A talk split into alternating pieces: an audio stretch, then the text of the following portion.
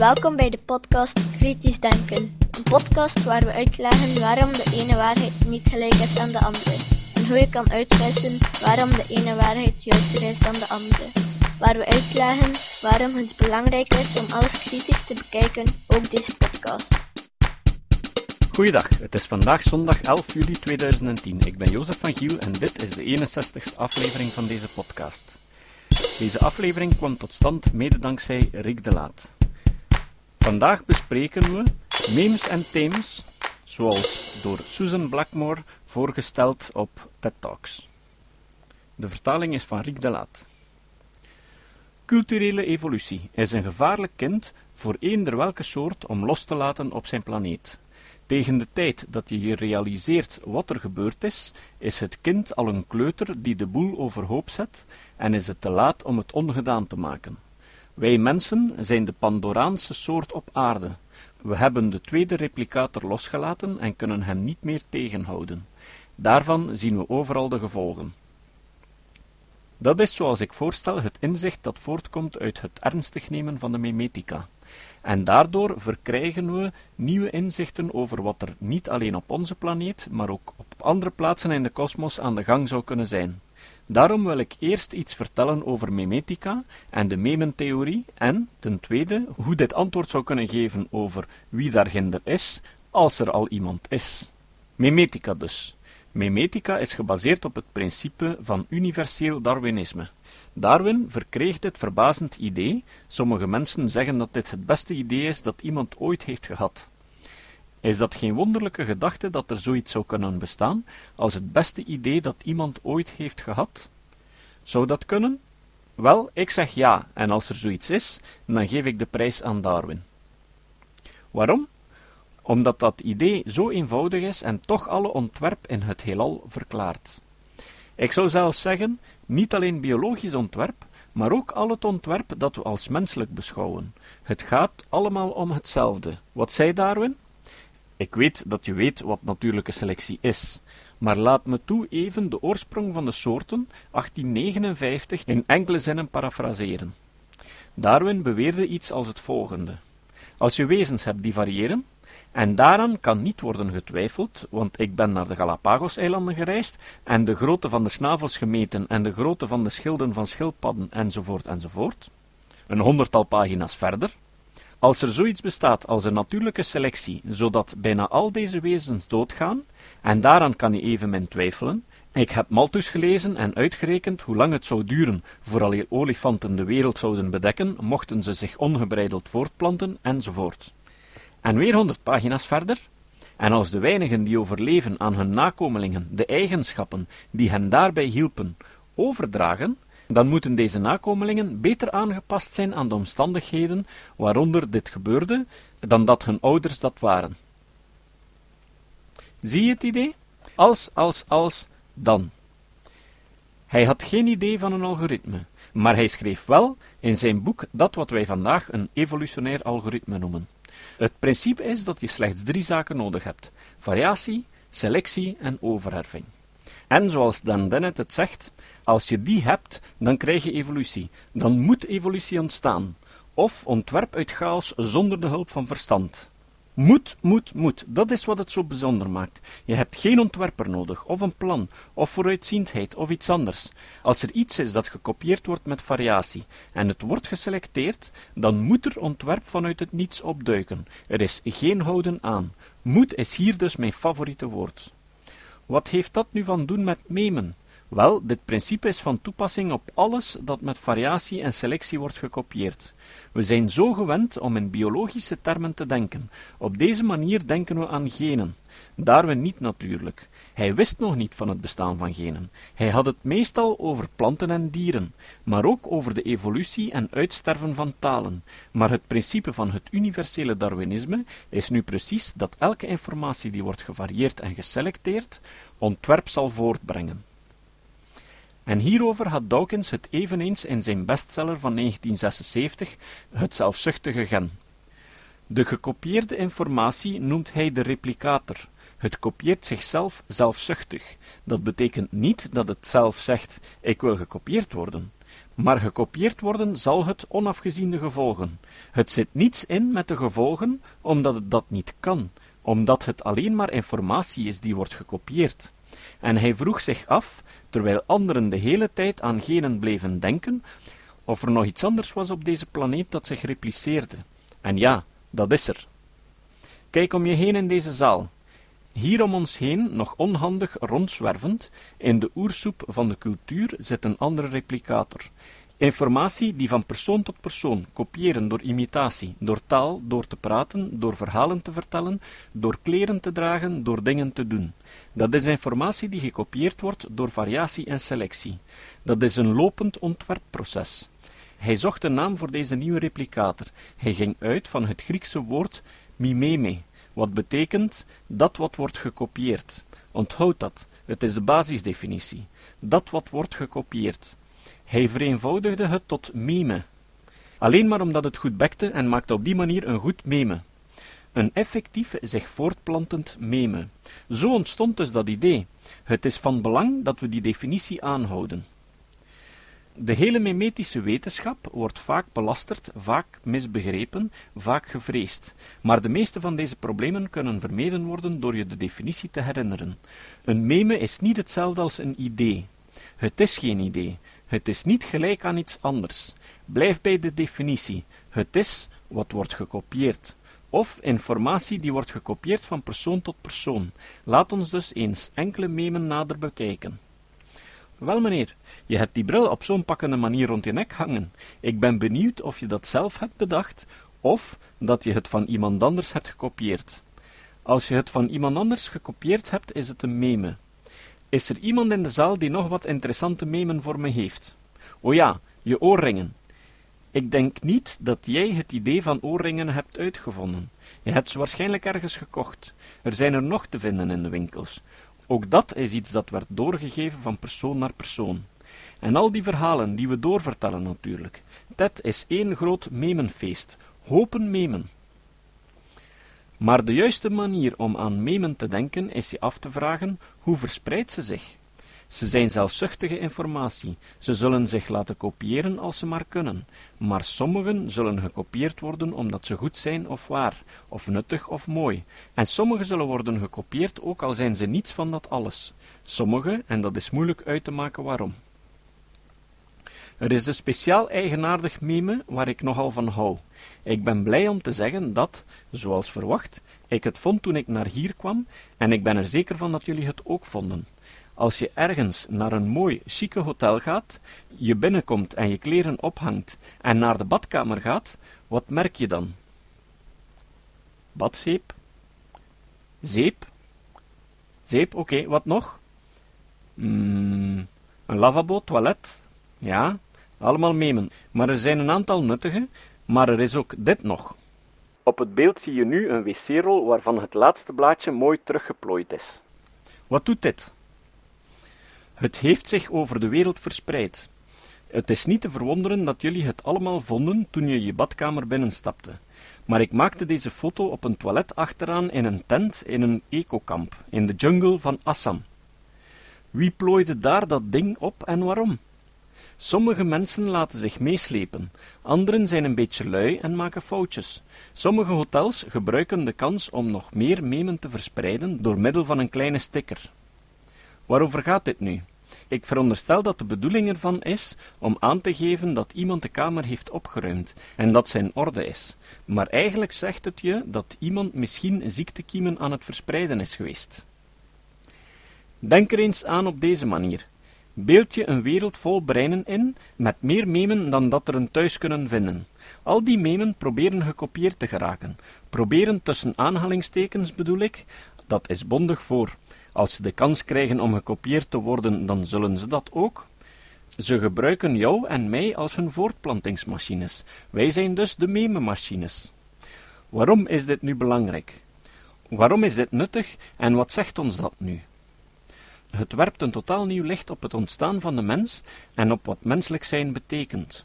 Op alle conventionele theorieën van culturele evolutie, op de oorsprong van mensen en op alles wat ons zo onderscheidt van andere soorten.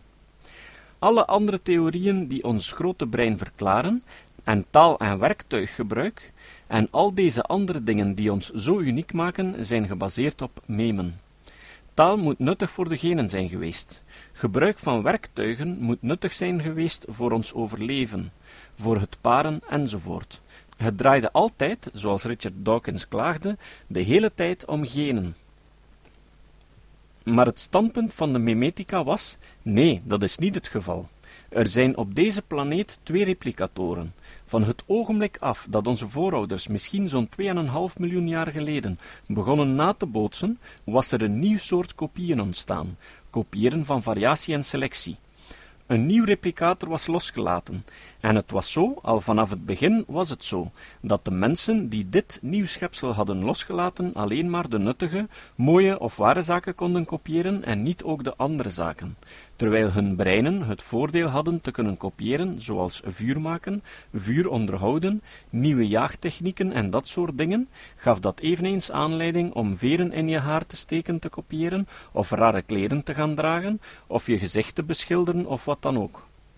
Daardoor kreeg je een wapenwetloop tussen degenen die trachten mensen te maken met kleine economische breinen en geen tijd verloren met het kopiëren van al deze zaken en de memen zelf, zoals de geluiden die mensen maakten en kopieerden. Wat met andere woorden taal werd, die erop aanlegden om breinen groter en groter te maken. Het grote brein is dus een resultaat van de sturing door memen. Daarom noemde ik het in de memenmachine memetische sturing. Als de memen evolueren zoals ze onvermijdelijk moeten, sturen ze aan op een groter brein dat beter is in het kopiëren van memen die net dat sturen doen. Dat is de reden dat wij opgezadeld zitten met zo'n grote breinen, dat we houden van godsdienst, van muziek en van kunst. Taal is een parasiet waar wij ons aan hebben aangepast, niet iets dat al van in het begin in onze genen zat volgens deze inzichten. En zoals de meeste parasieten kan ze ook gevaarlijk zijn als ze coëvolueert en zich aanpast, en we komen tot een symbolische relatie met deze nieuwe parasiet. En dus realiseren we ons vanuit ons standpunt niet dat het zo is dat het allemaal begonnen is. Dit geeft ons een beeld van wat mens zijn betekent. Alle andere soorten op deze planeet zijn alleen maar genmachines. Wij zijn geen goede imitators, meestal helemaal niet. Wij alleen zijn tegelijkertijd genmachines en mememachines. Memen gingen uit van een genmachine en maakten er een mememachine van. Maar dit is niet alles. Er is een nieuwe soort memen. Ik ben me al lang aan het afvragen, sinds ik zoveel heb nagedacht over memen, of er een verschil is tussen de memen die we kopiëren, de woorden waarmee we met elkaar spreken, de gebaren die we kopiëren, de menselijke dingen dus, en al die technische zaken rondom ons. Ik heb ze altijd tot nog toe ook memen genoemd, maar ik denk echt dat we nu een nieuw woord nodig hebben voor de technologische memen. Ik stel voor ze technologische memen of themen te noemen, omdat er andere processen achter zitten. Misschien 5000 jaar terug begonnen we te schrijven. We legden een voorraad memen vast op een kleitablet. Maar om echte themen en echte thememachines te hebben, moet er variatie, selectie en kopiëren zijn, buiten de mens om. En zo ver zitten we al. We zijn in het buitengewone stadium gekomen, waar we bijna machines hebben die dat doen. En inderdaad, in de korte tijd dat ik bij TED was, zie ik dat we daar zelfs dichterbij zijn dan ik eerst dacht. Het is zover dat de themen onze breinen beginnen te dwingen om meer als themamachines te werken. Onze kinderen leren al zeer vlug lezen en om met machines om te gaan. We zien allerlei soorten implantaten verschijnen, medicijnen die ons wakker houden. We hebben nog de indruk dat we die zaken zelf kiezen, maar de themen dwingen ons dat te doen. We bevinden ons op dit keerpunt waarop er een derde replicator op deze planeet is verschenen. Nu, wat is er elders in dit heelal aan de gang? Is daar iemand? Mensen hebben zich dat al altijd afgevraagd. Ook hier bij TED duikt deze vraag op. In 1961 stelde Frank Drake zijn beroemde vergelijking op, maar ik denk nu dat hij aan de verkeerde dingen aandacht schonk. Die vergelijking was zeer productief. Hij wilde een schatting maken van n, het aantal communicatieve beschavingen in onze melkweg. In die vergelijking nam hij op de snelheid van stervorming, het aantal planeten of eerder intelligentie. Maar ik dacht dat dat niet de juiste manier van denken is. Intelligentie ontstaat overal, in allerlei vermommingen. Menselijke intelligentie is slechts één zo'n vorm. Maar waar het echt om gaat, is of je replicators hebt en de niveaus van replicators, de ene terend op de vorige. Daarom zou ik willen voorstellen niet over de intelligentie na te denken, maar over replicators. En daarvan uitgaande heb ik een nieuw soort vergelijking opgesteld, een eenvoudige vergelijking. En blijft hetzelfde, namelijk het aantal communicatieve beschavingen dat we mogen verwachten in onze melkweg. Begin met het aantal planeten in onze melkweg. De fractie daarvan die een eerste replicator heeft. Dan de fractie daarvan met een tweede replicator. Dan weer een fractie daarvan met een derde replicator, omdat het pas de derde replicator is die naar buiten zal reiken. Door informatie uit te zenden, sondes uit te sturen en de ruimte in te gaan en met iedereen te communiceren. Oké, als we van die vergelijking uitgaan, waarom hebben we dan nog van niemand daarginder gehoord? Omdat elke stap gevaarlijk is. Een nieuwe replicator krijgen is gevaarlijk. Je kan het overleven, we hebben het gekund, maar het is gevaarlijk. Neem nu de eerste stap. Van zodra het leven verscheen op deze aarde. We kunnen van het Gaia-standpunt uitgaan. Ik hield van de lezing van Peter Wart gisteren. Het ging niet de hele tijd over Gaia. In feite is het zo dat levensvormen zaken produceren die hen zelf doden. Maar op deze planeet hebben we het overleefd. Maar dan weer, miljarden jaren later, kregen we een tweede replicator, Memen. Dat bracht weer zijn eigen gevaren mee. Denk aan het grote brein. Hoeveel moeders zijn er in deze zaal? Jullie weten alles van grote breinen. Ze zijn gevaarlijk bij de geboorte. Ze zijn kwellend pijnlijk bij het geboren worden. Mijn kat kreeg vier jongen, de hele tijd rustig snorrend. Maar het is niet altijd pijnlijk. Hopen kinderen overleven het niet. Hopen moeders overleven het niet, en daarbij is een brein een kostbaar iets om aan te maken.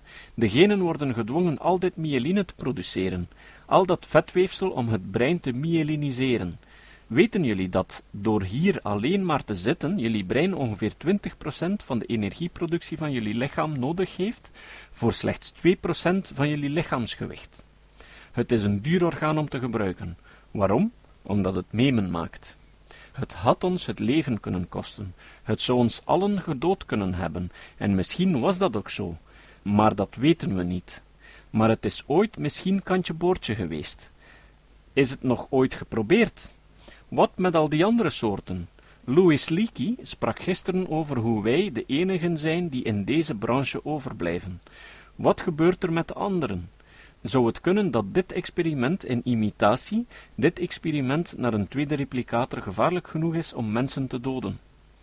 We hebben het overleefd en ons aangepast, maar nu zijn we, zoals ik net heb beschreven, op een derde replicator keerpunt aangekomen. Het is nog gevaarlijker, of tenminste, het is weer eens gevaarlijk. Waarom? Omdat ook de themen zelfzuchtige replicatoren zijn, en ze helemaal niet met ons inzitten, of met onze planeet, of met wat dan ook. Ze zijn alleen maar informatie. Waarom zouden ze?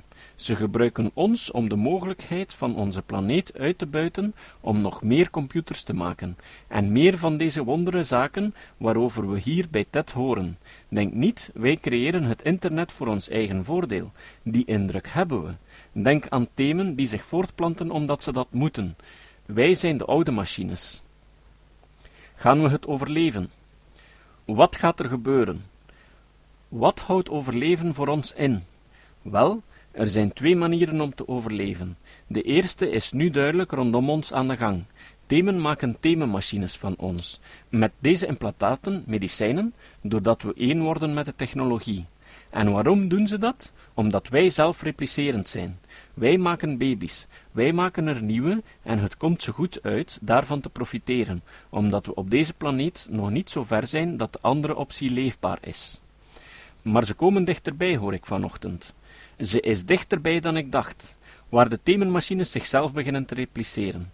Als dat zo is, dan zou het er helemaal niet meer toe doen dat ons klimaat volledig ontwricht zou geraken, zodat mensen hier niet meer zouden kunnen leven, omdat die themenmachines dat niet meer zouden nodig hebben. Ze zijn geen malse, vochtige, zuurstofademende, warmtevereisende schepselen. Ze kunnen best zonder ons. Dat zijn dus de twee mogelijkheden. Ik denk wel niet dat we al dicht bij de tweede zitten. Ze komen eraan, maar we zijn er nog niet. De eerste komt er ook aan, maar de schade die al aan de planeet is aangebracht, toont aan hoe gevaarlijk dit derde punt is. Dat derde gevaarspunt. De komst van de derde replicator. En zullen we dat derde punt overleven, zoals we het tweede en het derde overleefd hebben? Misschien wel, misschien niet. Geen idee. Mededeling. Waarschijnlijk hebben verschillende mensen aflevering 43, het eerste deel over dwaze geloofspunten van gematigde gelovigen, niet kunnen downloaden doordat er een fout zat in de RSS-feed die door iTunes gebruikt wordt. Ik heb dat vorige week ontdekt en gecorrigeerd, dus je kan alsnog proberen om deze aflevering opnieuw op te laden. Als het niet vanzelf gebeurt bij het starten van iTunes, moet je eens proberen door je abonnement op te zeggen en opnieuw te abonneren, of door rechtstreeks te downloaden via de link op mijn website. Ik zou de luisteraars van deze podcast ook nog willen wijzen op een aantal videofilmpjes die ik op mijn YouTube-kanaal heb geplaatst. Onder andere een ondertitelde versie van Here Be Dragons of Hier zijn draken van Brian Dunning. Een heel mooie film over bijgeloof en onkritisch denken. Ik heb ook een filmpje gemaakt waarin ik met dobbelstenen uitleg waarom evolutie niet puur toeval is. Er staat ook nog de film Kritisch Denken, die een bewerking is van de film Critical Thinking van Qualia-Soep. Het citaat. Het citaat van vandaag komt van Ayaan Hirsi Ayaan Hirsi is een moedige vrouw die strijdt voor de bevrijding van moslimvrouwen. Ze is zelf een moslimapostaat. Anders gezegd, ze is zelf opgegroeid als moslim en heeft na een vlucht naar Nederland voor een gedwongen huwelijk deze godsdienst verlaten. Sinds ze samen met Theo van Gogh de film Submission maakte, leeft ze onder politiebescherming. Ik raad iedereen aan om haar autobiografie Mijn Vrijheid te lezen of te beluisteren. Het is namelijk ook beschikbaar als luisterboek. Hirsiali zei, Mohammed is, gemeten naar onze westerse maatstaven, een perverse man, een tiran. Tot de volgende keer. Dit was de podcast Kritisch Denken. Vergeet niet om alles kritisch te behandelen, ook deze podcast. Voor verdere informatie over deze podcast, links en voor de tekst, surf naar www.kritischdenken.info. Als je deze podcast belangrijk vindt, dan kan je me steunen door andere mensen warm te maken ook eens te luisteren. Stuur een e-mail naar je vrienden met een link naar mijn website of plaats de link in de handtekening van je e-mails. Je kan me ook steunen door op iTunes deze podcast een goede beoordeling te geven of een recensie te schrijven.